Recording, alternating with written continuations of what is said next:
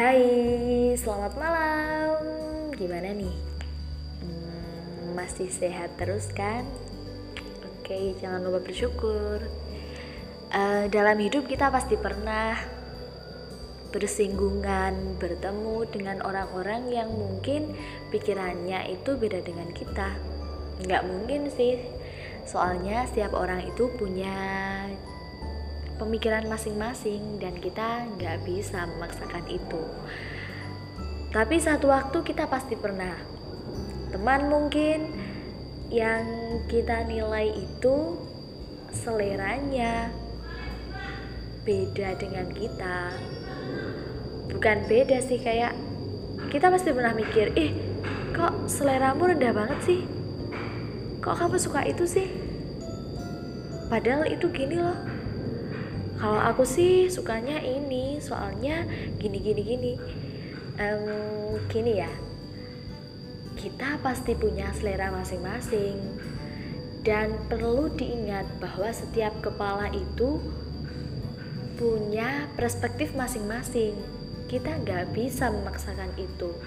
Kita nggak bisa menuntut apa pun sesuai apa yang ada di pikiran kita.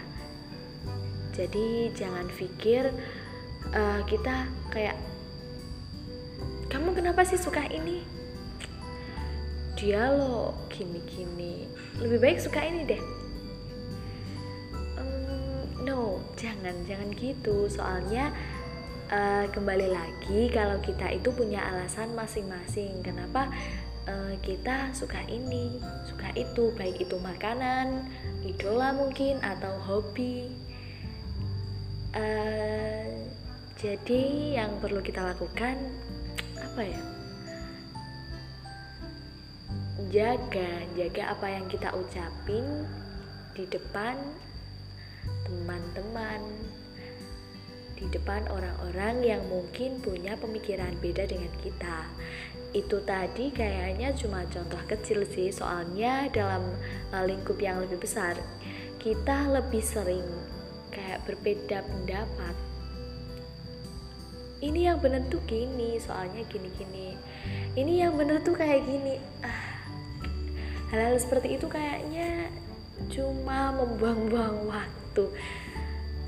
Nggak gitu kita bisa menghabiskan waktu dengan teman-teman kita itu dengan menjalin dengan topik yang lebih gimana ya istilahnya tidak sensitif. Seperti kita membahas yang nanti ujung-ujungnya cuma kayak berdebat gitu.